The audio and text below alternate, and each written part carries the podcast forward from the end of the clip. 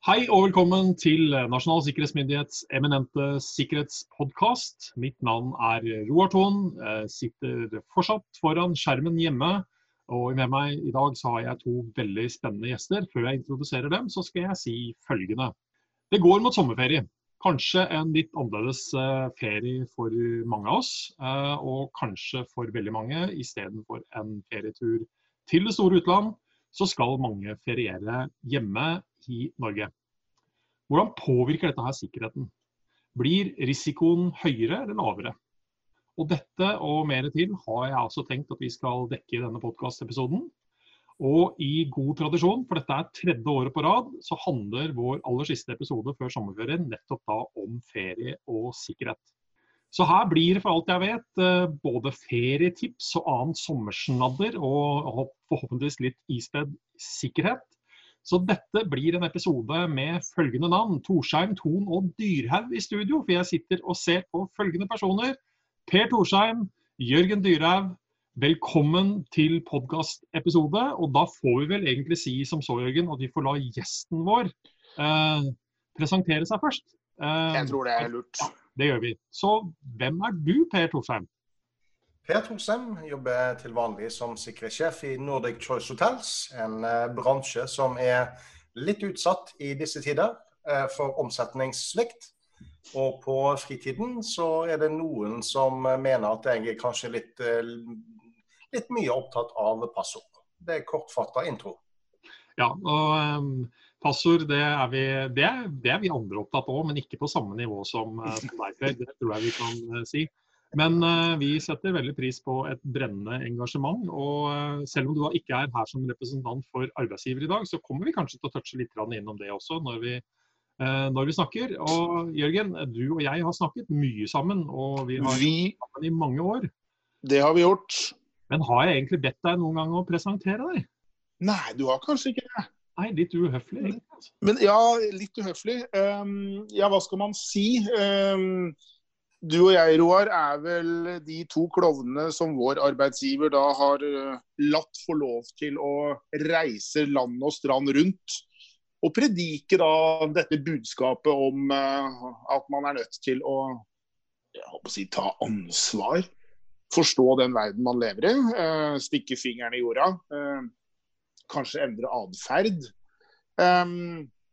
Og jeg er såre godt fornøyd med å få lov til å gjøre dette. Det er, ehm, det er noe med å møte folk, og det, det merker man spesielt godt nå uh, i den tiden vi er inne i, hvor veldig mye foregår uh, digitalt. Det, er noe som mangler. Det er en dimensjon som blir borte. Så uh, sikkert som Per og hotellbransjen, jeg gleder meg til vi kan møte folk igjen.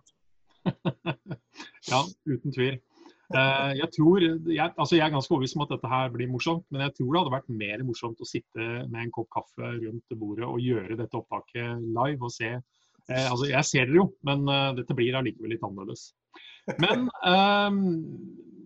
vi må jo da komme i gang. Og siden du Per, er liksom over gjennomsnittet opptatt av at du legger ut da informasjon om deg sjøl, så sliter jo vi i NSM litt med å følge med på deg, for å si det sånn. Uh, og Det er jo grunnen til at vi valgte å kalle inn deg til podkastsamtale, for rett og slett å stille deg spørsmålet hvor har du tenkt deg på ferie i år? Roa, Det er et utrolig godt spørsmål, og jeg skal gi åpent og ærlig svar på det. Men jeg vil aller først vil jeg stille spørsmål tilbake til deg, Roa, og også til Jørgen. Var dere to av de mange sikkerhetsfolkene som for mange herrens år siden sa både offentlig og privat for Guds skyld, ikke legg ut på sosiale medier hvor du skal på ferie, og ikke legg ut noen info om at nå er du på ferie, for da kan jo noen bryte seg inn i huset ditt og rundstjele deg. Der kan jeg med hånda på hjertet si at nei, jeg var ikke en av de. Eh, nei, ikke jeg heller. eh, jeg har egentlig ja, ja og, og, den historien kommer jo egentlig litt sånn eh, nesten hver sommer, opplever jeg. Men jeg har enda faktisk til gode, som jeg kan huske, å høre om en konkret sak hvor det faktisk er riktig. Ja, og, og, det samme gjelder meg. Men jeg husker, og jeg skal innrømme her, at jeg var en av de som sa at eh, det er ikke så lurt å legge ut informasjon om hvor du skal på ferie, eller når du er vekke. Nå er det mange år siden jeg droppa den regelen der, og enig med deg, Roar, aldri hørt om en sak hvor, hvor, hvor det faktisk har skjedd. Eh, osv. Eh, det nærmeste jeg kan komme eh, for å avsløre ting jeg følger med på, det var når, når en av disse eh, Kardashian-damene ble rundstjålet nede i Paris. Det var et spektakulært angrep i så måte. Og der mener jo da at man, man, mente at det da hadde en sammenheng med at man da hadde annonsert hvor man skulle. Men for min egen del så, så, så skal jeg faktisk reise til et eh, utrolig spennende sted som eh, jeg har gleda meg til i si, hele livet. Jeg skal til Svalbard. Jeg skal dit en uke i uh, juli. Um, jeg har uh, endelig endelig spart nok bonuspoeng hos SAS og skal endelig eh, ta ut litt. Eh, så jeg skal dit en uke med min datter, og skal da også legge eh, godt med penger i potten for å reise på ulike sightseeingturer der. Jeg skal til bl.a. til Barentsburg, jeg skal på mm. hvalross-safari, jeg skal til Pyramiden, gruvebesøk osv. Så det, og så skal jeg med meg fotoapparat og videokamera, og jeg skal ta bilder til en stor gullmedalje. Så det gleder jeg meg veldig mye til. Det høres veldig veldig bra ut. Eh, jeg har ennå ikke vært der, skulle ha vært der. Sendte Jørgen isteden. Så det var du som fikk eh, gleden Jørgen, å oppleve en del av disse tingene. Mm. Jeg har vært der, eh, vært der i privatsammenheng òg. Og Per, det er, bare å, det, er, bare å glede seg. Det er, det er spektakulært på en helt spesiell måte. Det er noe, det er noe med Svalbard og Longyearbyen som kryper litt innunder huden på deg. Så jeg gleder meg enormt på dine vegne. Det der, det der skal du glede deg stort til. Så, ja, det, det, gjør jeg. Ja. ja. Men eh, de som da er litt sånn uh, småparanoide og sikkerhetsbevisste, vil jo si at ja, nå, nå driver både russere og andre og forbereder seg på at Per Torsheim skal til, uh, skal til Svalbard. Eh, men, men, litt tilbake til det du egentlig nevnte, med det, å, med det faktisk å si hvor man skal osv. Og, så videre, og så trekker du fram eh, sånn sett et kjendiseksempel.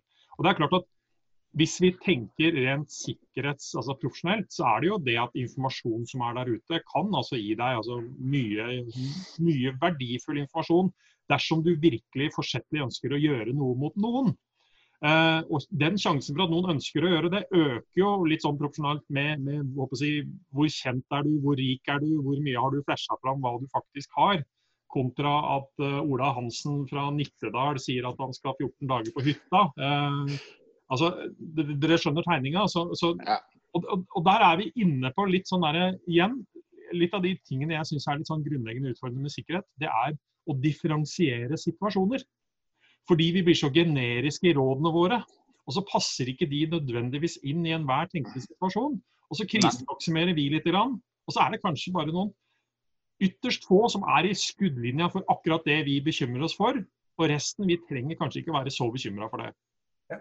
Men det, det, altså det, det, du sier, er jo at eh, min risikovurdering er ikke din risikovurdering. Nei. Og, og, og, du kan ikke, si, bedrifter eller offentlige etater, du kan ikke gå inn og så, du kan ikke gå til en konsulent eller hvem som helst og liksom kjøpe en ferdig risikovurdering for, for, for, noen timers arbeid som liksom skal fungere i din situasjon. Jeg vet ikke hvem du er, hva du driver på med, jeg vet ikke i hvilken grad du er et mål for om det er fremmed etterretning, eller om det er bare kriminelle som har lyst til å stjele klokken din og lommeboken din den vurderingen må du gjøre selv. Og det syns jo jeg det, det, ser jeg gang på gang. Det virker på meg som at bedrifter og bedriftsledere gjerne ikke har lyst til å forsøke å gjøre den vurderingen, eller ikke føler seg kompetent til å gjøre det. Og de vil bare ha det gjort raskest mulig. Mm. Eh, og, og, og, da er det fristende å gå ut til en konsulent og bare bruke noen timer på å få en ferdig rapport som egentlig ikke er verdt pengene.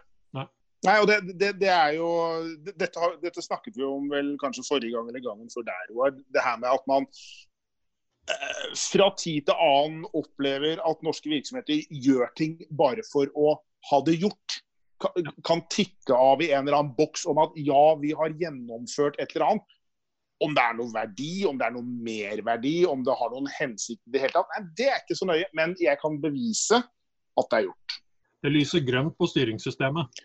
Det lyser grønt i styringshjulet på akkurat det punktet der. Yes. Revisor er fornøyd. Ja. Eh, så bottom line, eh, det er fornuftig å gjøre risikovurderinger for seg selv, uansett om man egentlig både er privatperson og, eller virksomhet. Eh, så det anbefaler vi å ha et bevisst forhold til det. Men er det, når du da skal ut på tur, og så dropper vi nå hvor du skal som sådan, men er det noe er det noe spesielt du foretar deg av forberedelser når du drar på ferie? Da? Altså, ikke bare deg, Per, men, men deg også, Jørgen? Ja, altså For min del, altså når jeg skal ut på eh, ferie, én ting jo de, en del forberedelser jeg gjør eh, i jobben min. Eh, jeg sier jo at ferie for min del betyr egentlig bare alternativt arbeidssted. Eh, jeg er jo i en stilling hvor dessverre ikke jeg som bestemmer når jeg skal jobbe, det er de kriminelle som bestemmer når jeg skal jobbe, ganske så ofte. Og, og i så måte så eh, er jo en del av de forberedelsene som jeg gjør da i forkant, det er jo da å sørge for at eh, mine, mine kolleger eh, vet hvordan de kan få tak i meg dersom det er en krise. Jeg sier jo litt om hvor alvorlig skal krisen være før de ringer meg midt på natten eller en tidlig søndag morgen. Eh, og ellers privat, selvfølgelig, så sjekker jeg at jeg har forsikringer i orden, at passet er i orden hvis jeg skal reise utenlands. Og en del sånne grunnleggende ting. Eh, skal jeg langt vekk utenlands, så vil jo selvfølgelig ta en, litt informasjon om hvor jeg skal hen, ting jeg bør være obs på, f.eks. sosiale og kulturelle forhold kan være greit. Eh, alt etter hvor du skal reise hen i verden. og ja, En del helt grunnleggende ting, egentlig. Og så ta med solkrem hvis du skal til Syden. men, det, men, det, men, før jeg slipper til deg, Jørgen, er det, er det, ting du velger å ikke ta med deg? Altså Som du normalt kanskje ville Eh, jeg vet at du, du, du, pendler en del gjennom arbeidsplass og bosted, eh, og da har du kanskje med deg teknologi og en del sånne ting. Er det, andre ting du liksom, er det ting der du ikke tar med deg på ferie? Jeg, jeg, jeg, jeg tar ikke med meg jobb-PC-en. For å, å altså kunne klare oss å, å, å, ta litt eh, fri. Jeg er jo den situasjonen, jeg er jo den heldige situasjonen at jobben er også en stor del av, av hobbyinteressen min. Ja. det jeg driver på med. Men eh, nei, eh, det er ikke noe spesielt som jeg ikke tar med meg heller. Jeg eh, enkelt og greit, Jeg tar ikke med jobblaptopen og prøver sånn sett ikke ta med jobben. Man må jo også koble, få til å koble av. Ja. Hva med deg, Jørgen? Nei, det, det, er jo mye av det uh, Per sier. Um, I år blir det jo litt spesiell ferie for alle. Så, men, men, skulle vi f.eks. da ha opprettholdt de planene vi hadde uh, tidligere, så ville det da inkludert en reise til, uh, til Afrika. Afrika sør for Sahara. og det er klart at I den forbindelse så ville man jo gjort mange av de nøyaktig de samme vurderingene som Per har gjort. jeg ville heller ikke dratt med meg verken jeg, spesielt kostbar elektronikk, eh, kritisk elektronikk. Jeg ville hva skal jeg si, kjørt en litt sånn uh, nedskalert uh, versjon av meg selv. Um, samtidig så, så, så, vet man jo utfordringene knyttet til reisedokumenter. Så jeg vet jo at jeg da på forhånd ville hatt en liten runde med å kopiere alt av pass og eh, nei, forsikringspapirer og legge det på en skytjeneste. Eh, slik at de da eh, ville vært tilgjengelige fra hvor det måtte være.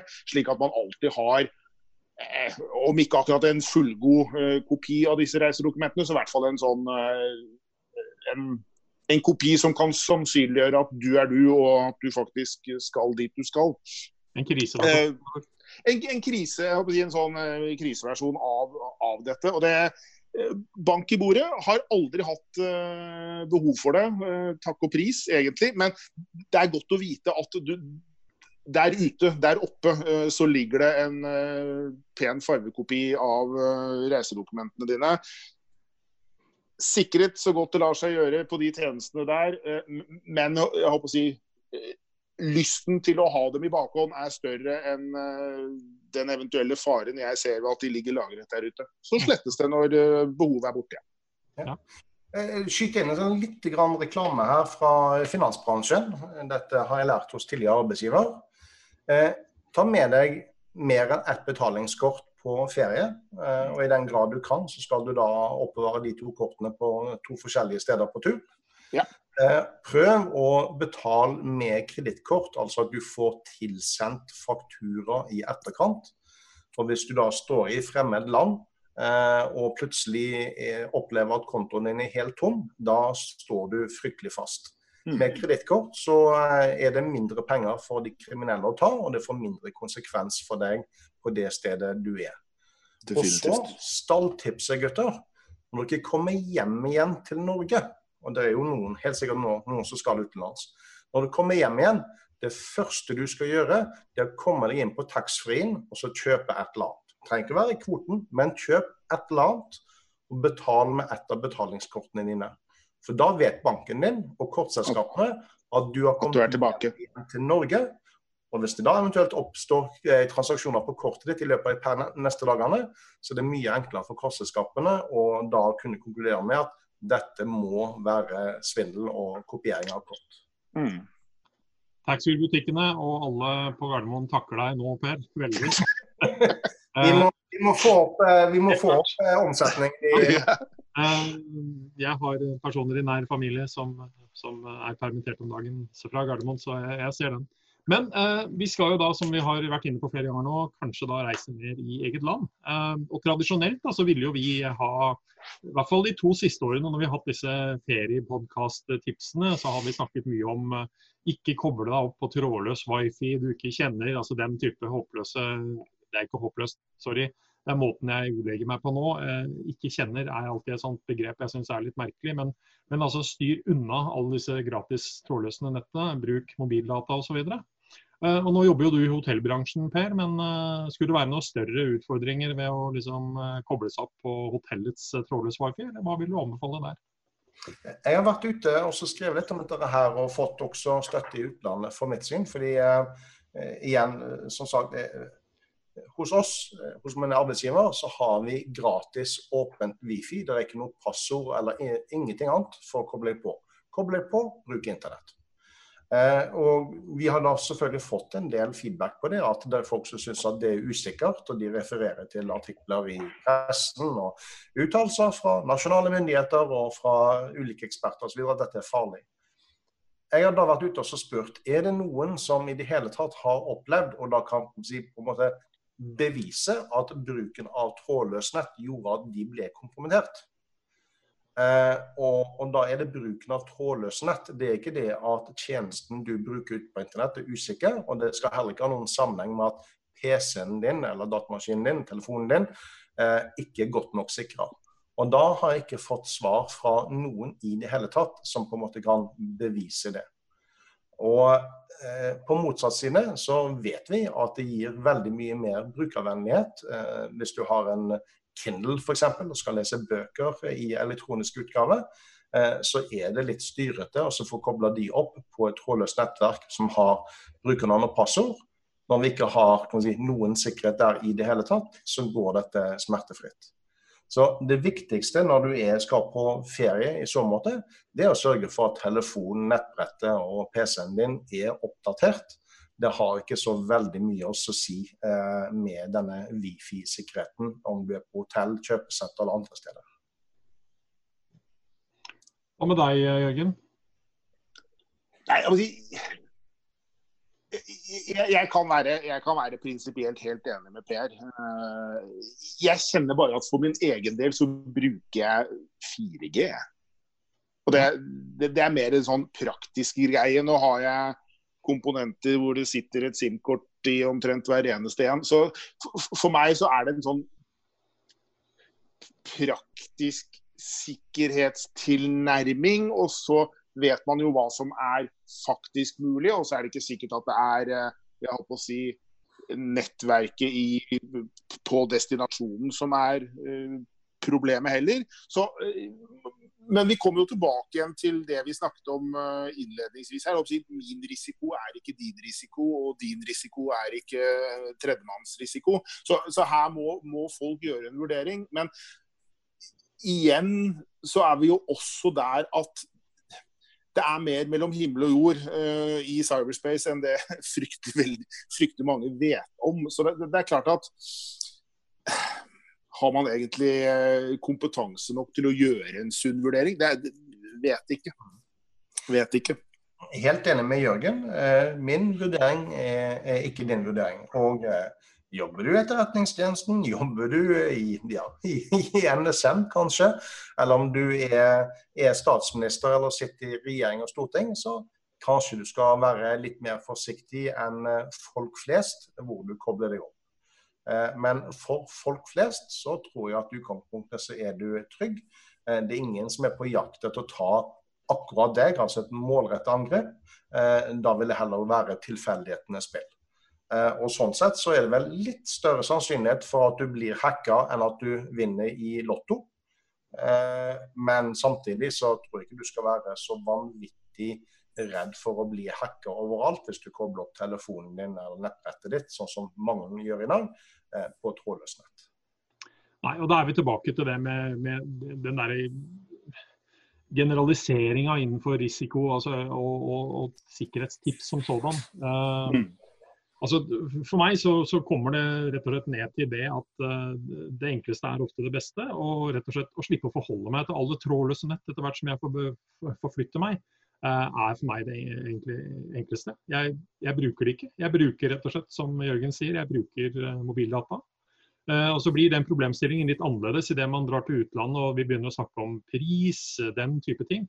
Men de aller fleste i dag har en såpass brukbar datapakke at dette sjelden eller aldri er noe særlig problem. Så hvorfor skal jeg egentlig bruke to minutter for å, for å koble meg på wifien på kafeen jeg sitter på? Altså, når det potensielt i tillegg er en liten sikkerhetsrisiko der som jeg ikke ønsker å skrive, men, men det er den praktiske. Roar, nå må jeg bremse deg. Jeg har en datter som ser på Netflix. Tro meg. Her går det veldig mye data på 4G hvis man ikke passer på. Så, men altså, der er det til syvende og sist altså, vurdering av hva det som er det praktiske. Så uh, uten tvil. Uh, men, men, men, greia er at vi har, vi har, den litt i ryggraden, mener jeg, som er at vi, vi kommer fra, selv om uh, ting har endra seg, så kommer vi fra en situasjon hvor dette var veldig dyrt. Vi, hadde, altså, det var, si, vi sparte på dataene våre. Det har endra seg over tid, som gjør at vi ikke nødvendigvis like gjerne trenger å leite etter dette trådløse nettet hele tiden. Så, så det er greit. Men er det andre, andre, ting som uh, dere ville si, ha tenkt mer på i forhold til å feriere hjemme kontra utland når det gjelder sikkerhet? Jeg tror jo at vi har en bitte liten fordel eh, som arbeidsgiver. Nå høres kanskje litt sånn kynisk ut her, men jeg tror vi har en liten fordel her som arbeidsgiver når folk skal feriere i, i eget land. Eh, hvis noe går galt, eh, og eh, i mitt hode så, så, så, er det i hvert fall sånn at når ting går galt, så passer det ikke at det går galt akkurat der og da. Skjønner alle. Eh, og I så måte så tror jeg vi har en bitte liten fordel ved at norske arbeidstakere vil feriere i Norge. De er gjerne ikke så langt vekke fra jobb dersom det blir en akutt krise som må løses. Litt kynisk, litt stygt sagt, men, men, jeg ser faktisk en, en, en liten fordel i det. Uh, også med tanke på uh, andre skader og problemer som gjerne oppstår med utenlandsreiser. Så vil jeg tro at vi vil, si, forsikringsselskapene vil se mindre av det i år. Men det er i hvert fall en antakelse fra min side. da. Så er det jo å håpe da, at man har gode nok beredskapsplaner i en sånn profesjonell forstand til at man ikke er avhengig av at så, så, fort noe som helst skjer, at man skal kalle ansatte tilbake fra ferie. Uh, så, eh, men det er kanskje meg fra offentlig etat som snakker på, det, på den måten. Så eh, det er ikke alle mann til pumpene i enhver tenkelig situasjon, så det å ha planer for det kan også være fornuftig. Mm. Men når vi, når vi kommer tilbake da, fra en sånn lang og god ferie, vi har kobla litt av både i huet vårt og på annet. Hva slags sikkerhetsutfordringer er det som kan dukke opp når vi kommer tilbake fra ferie? For Det tror jeg faktisk ikke vi har berørt i podkasten. Jørgen, du... Ja, da, da, da, er jo målet på om man har hatt en god ferie, om man uh, har klart å glemme passordet på jobb. Ja. Uh, når, det, når, det, ikke lenger sitter, så tenker jeg at da har ferien vært god. Du har fått tømt hodet for de tingene.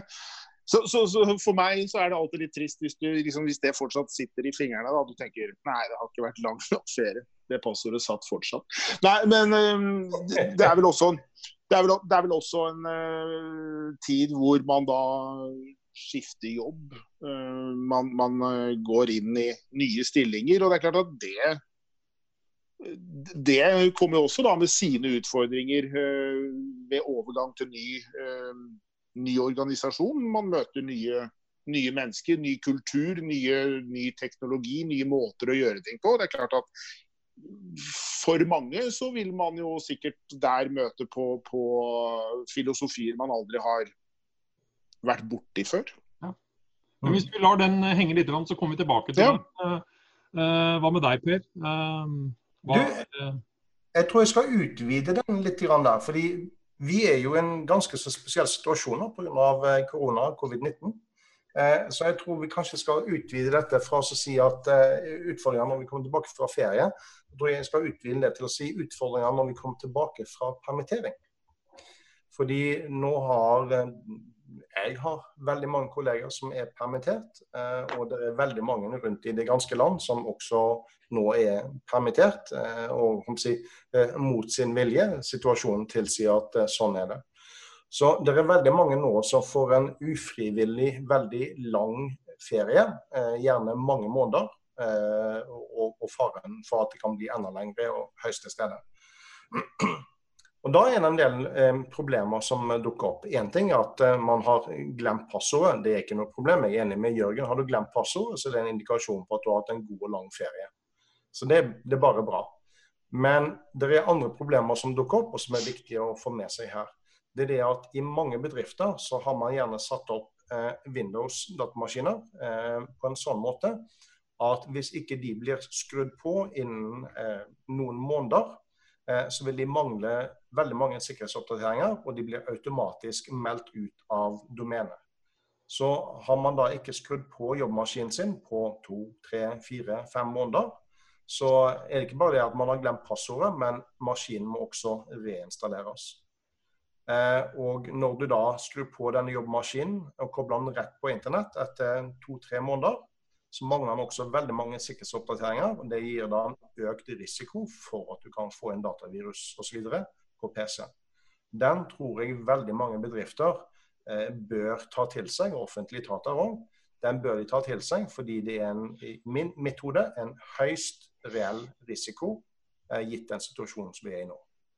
Og akkurat det punktet der var vi faktisk ute i forrige uke, hvis jeg ikke husker helt feil, eh, og har ment noe om og snakket litt om. Nettopp akkurat dette med oppdateringer og at man kommer tilbake eh, som sådan kanskje og kobler seg også på inn i det store nettverket hvis man ikke har altså, de tingene du, du nevnte nå. Eh, men jeg kjenner meg litt igjen i det dere egentlig er inne på begge to. fordi jeg var faktisk forrige uke for første gang på mitt fysiske kontor. Eh, etter å ha vært borte fra tre og en halv måned. Eh, og Min største bekymring var når jeg kom veldig tidlig ute om morgenen, som jeg pleier å være når jeg er der. Eh, kommer jeg faktisk inn? Fungerer avgangskortet mitt? Husker jeg ikke bare passordet, men alt det jeg da trenger av koder og annet for faktisk å komme helt inn til mitt eget kontor? Passordet var faktisk ikke et problem, for det er jo da i hvert fall for noe, noe, jeg har sittet og brukt daglig hjemmefra. Uh, ikke sant? Så den har ikke endra seg så mye. Men, men, det var andre ting som var litt uh, mer problematisk å, å ha huska opp i hodet. Så, så, selv om man har jobbet, uh, så skal jeg ikke si jeg har kobla så mye at jeg har glemt det, men jeg hadde glemt det allikevel. 1, 2, 3, 4? nei, så enkelt er det faktisk ikke. du kan bare glemme å prøve å få meg til å si et eller annet sånt ute på Per. Vi, du og jeg har greid det før med andre, men Eh, men du får ikke meg ut på glattisen der. Det er det for varmt til nå i sommer. Eh, men eh, det er som Jørgen er inne på. Etter sommerferien så er det jo høysesong da, for at folk faktisk starter opp i ny jobb. og Da snakker jeg liksom ny jobb. Og, og de kan også starte selvsagt i en annen avdeling, i en, kanskje en større organisasjon osv. Og hva slags sikkerhetsutfordringer ser dere der, og hva ville dere eventuelt ha kommunisert til, eh, til nyansatte når de møter opp? Vel, på, på, på, den ene siden så er det jo det at eh, vi har folk som eh, forlater bedrifter. Eh, både frivillig og litt mer ufrivillig i disse tider. Eh, der er det et stort behov for et eh, et, et viktig behov for at eh, personalavdelinger og alle de som har lederansvar, at de også i disse tider klarer å gjøre en skikkelig sluttrunde, gjerne ha et sluttrundeskjema hvor man skal gå igjennom, at nærmeste leder går igjennom med medarbeidere for å sikre innlevering av PC, telefon, eh, nøkler, eh, avgangskort osv. Og, så og at man eh, på en forsvarlig måte rydder opp i filer, mail osv. til ansatte som skal slutte.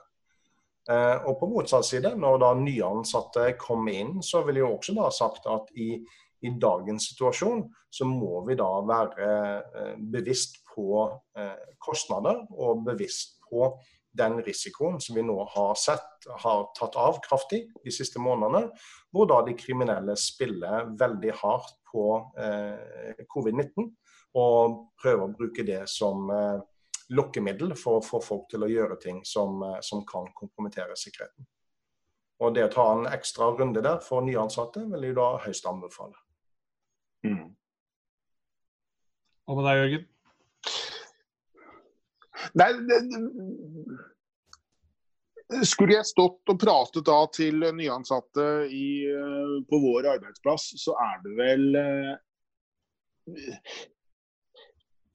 jeg ville ha hva skal jeg si, oppmuntret til åpenhet. Jeg håper å si invitert til å stille spørsmål. Invitert til å uh, rekke fingeren i været og si hvorfor gjør dere sånn? Det er ekstremt ubehagelig. Hvorfor-spørsmålet er alltid plagsomt. Uh, fordi det krever at man har uh, tenkt gjennom ting på forhånd. Men jeg tror veldig mange kommer til nye steder og ser seg rundt og holder eh, uklokelig kjeft eh, om kanskje helt åpenbare kuriøse ting som de som har vært der lenge, ikke lenger ser. Som man blir litt blind for etter ganske, ganske kort tid. Eh, og jeg har hva skal jeg si, på tidligere arbeidssteder hatt nettopp eh, fått inn nye eh, medarbeidere som faktisk har tatt og gjort nettopp dette. Liksom Stilt spørsmål hvorfor gjør man dette. Eh, og, og da, da, blir man, for det første, så kommer man raskere inn i eh, virksomhetens eh, atferdsfilosofi. Men samtidig så får man hva skal jeg si, satt fokus på ting man kanskje har gjort i årevis, ved at det kommer friske øyne og stiller spørsmål hvorfor gjør dere det? Og det er klart at Har man et godt svar, et gjennomtenkt uh, svar, så, så, er jo det bra. Men ofte vil man jo kunne oppleve at man ikke har det. Og da er det kanskje grunnlag for en revisjon av eh, nettopp det man er blitt spurt om. Mm. Men det krever kanskje at folk er litt, uh, kanskje litt brennende interessert for akkurat det temaet? da? Ja, og det, og det, det er klart at det, her må man jo øh, få frem at det å drive daglig sikkerhetsmessig eh, arbeid i enhver virksomhet er jo si, noe man egentlig ikke kan velge seg bort fra, for man er alle i samme båt og bla, bla, bla. Eh, så, så, hva skal jeg si eh, Synliggjøre sikkerhetsarbeid. Vise at sikkerhetsarbeid ikke bare er noe som en sikkerhetsansvarlig, som Per kan jo da være en representant for her. Det er jo ikke noe den enkelte sikkerhetsansvarlig i en virksomhet bærer alene. Eh, dette er jo et ansvar som er smørt herlig tynt utover hver eneste en av oss, som da i større eller mindre grad eh, skal bidra i å, bringe dette arbeidet fremover. Så jeg, jeg, jeg tror at det her med å gi en god og klok introduksjon i sikkerhetskulturen på ditt nye arbeidssted, vil være veldig, veldig viktig.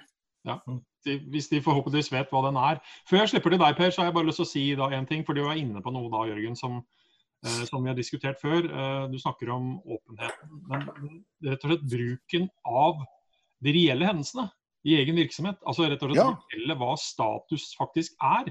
Og så er vi så, vi er så opptatt som sikkerhetsfolk av når ting har gått til helvete. Når denne krisen oppsto, da, da, da, får alle det med seg at nå er det krise. Men vi er så dårlige på på en måte bringe fram og feire alle de tusen eksemplene vi har på at vi daglig stanser og hindrer, og altså rett og slett hvor sikkerheten faktisk fungerer.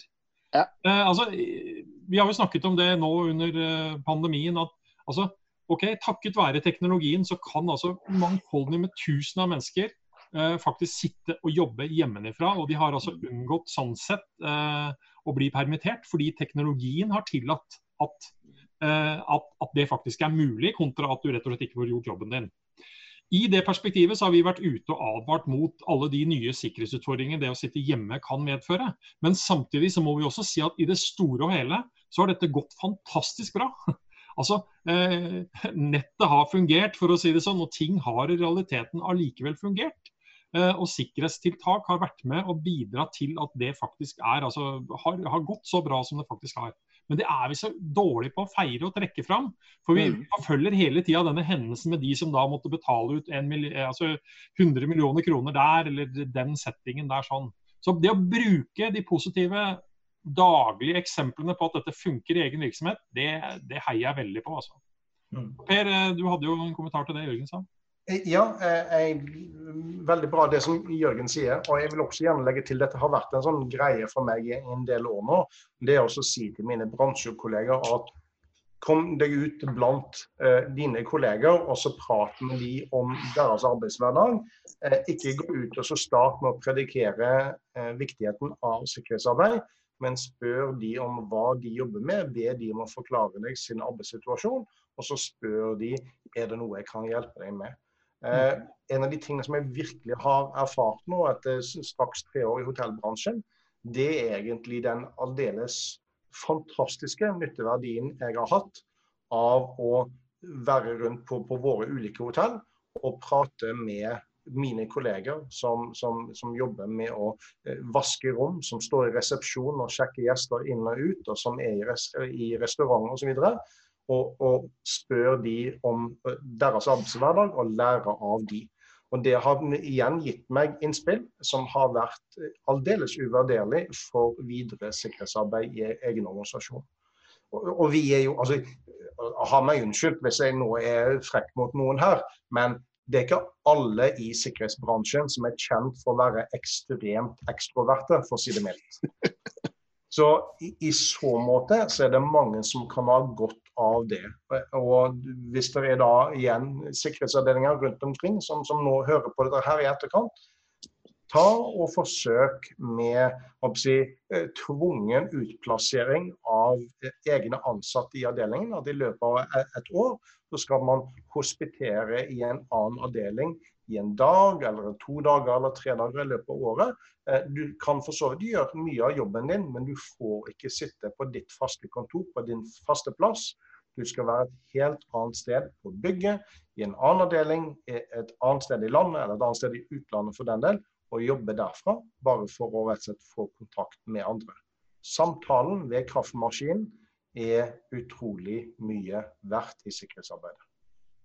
Altså, det er, det, er, så bra du sier det. Og, for all del, vi skal feire introverte mennesker, fordi her er det rom for alle. Uh, og vi trenger utrolig mange fagområder som sådan. Men, men det, er, det, er, mentaliteten. Altså jeg, jeg, og heldigvis er dette en del år tilbake, men jeg møtte en sikkerhetsperson uh, uh, som, som, overfor altså sine egne ansatte i egen virksomhet Eh, rett og slett står på scenen og sier følgende Jeg er ikke her for å være populær. Punktum. Altså, eh, da, da, skal du, du skal slå gjennom alle dine eh, anbefalinger og tiltak, og du er altså så lite lydhør i forhold til altså, hvordan dette faktisk er ment å fungere. Og da er igjen tilbake igjen til det alltid mantraet. Altså, vi er der for å understøtte det virksomhetene våre faktisk er der for å levere for å gjøre det så sikkert som mulig. Ikke at sikkerhet i seg selv er det store, store målet med enhver tenkelig virksomhet eller organisasjon. Nei, det er um, Jeg er ikke her for å bli populær. Nei, det Ja. Da har du liksom lagt uh, Da har du beredt grunnen for at dette blir en lang og kronglete vei. Uh, definitivt. Uh, og det, det, det, det, er det er viktig, som du sier, Roar. Sikkerheten er der for å understøtte det virksomheter driver med. Det er liksom ikke målet i seg selv. Altså. Det er kanskje rart å høre dette fra oss, men uh, folk flest driver med andre ting. Folk flest forvalter penger eller tjener penger på å gjøre andre ting. Men vi skal prøve å gjøre det på en så sikker og god måte som overhodet mulig. Og da, det, det, er klart at det, det, blir nok litt sånn dytting frem og tilbake. Men eh, man må faktisk uh, forstå uh, årsak og virkning her. Mm. Man må være villig til å ta risiko. Det er vel Du, du Roar, har vel sagt bra mange ganger i dine foredrag denne beskjeden om at det er ikke noen bedrift det deg bekjent som har blitt starta hvor eh, hovedformålet med å starte bedriften det er å etterleve absolutt alt som finnes av lover og regler og ha best mulig sikkerhet. Eh, og det må jo sies å være et, ja, et litt tynt forretningskonsept i så måte å gjøre det. Ja, det er klart. Eh, for å få til det, så ja, det, det er, det er mer, mer, av den historien. Men, men, eh, men, du Per, uten at du trenger å egentlig svare meg på det, gå i detalj. Du, jo, altså, du er jo genuint interessert i sikkerhet og brennende engasjert i altså, en rekke ting innenfor sikkerhet. Og så regner jeg jo med at den brennende Per som privatperson allikevel må svelge noen små kameler i møte med virkeligheten som sikkerhetssjef i, en, i, en, i et svært uh, konsern. Altså, ikke sant? Du, du, får ikke, du, får ikke, du får ikke gjennom dine ideelle, private ønsker eh, rundt alt rundt sikkerhet. Nei, og, og, og, det har jo jeg nå i, i, i, enda større grad enn noen gang før nå i, i disse tre årene i hotellbransjen. Eh, så har jeg møtt meg eh, sjøl i svingdøren eh, veldig mange ganger, også på passord. Eh, ved at eh, jeg ser at det er, det er, ting som er praktisk ikke mulig å få til. Det blir for mye plunder og heft. Det er ikke, det er ikke, det er ikke verdt innsatsen for å prøve å oppnå verken det idealistiske målet mitt, eller også det mer eh, forretningsmessige målet jeg i utgangspunktet gikk ut med. Og så ser jeg det at nei, det, det, vil koste oss så mye å oppnå denne sikkerheten at det er ikke verdt pengene. Og det, det, det, har blitt mange sånne kameler også nå i løpet av disse tre årene her i denne bransjen. Et fakta hos oss er jo at eh, hos oss er jo fysisk sikkerhet sånn sett eh, en, en, eh, en, veldig stor del av hverdagen. Mm. Eh, jeg får fryktelig mange av disse mailene og telefonene med eh, cyberkriminalitet i hytt og pine, og du har ingen idé om hvor mange cyberkriminelle som finnes der ute og er interessert i å stjele pengene våre. Men fakta hos oss det er at eh, eh tyveri fra resepsjon og frokostsal osv. Så sånn som det, det er et, et, daglig et større problem eh, som krever håndtering enn det vi har av IT-sikkerhetshendelser. Lekkasje i dusj og toalett er et større kostnadsproblem hos oss enn eh, kriminelle som planter virus på våre systemer. Mm.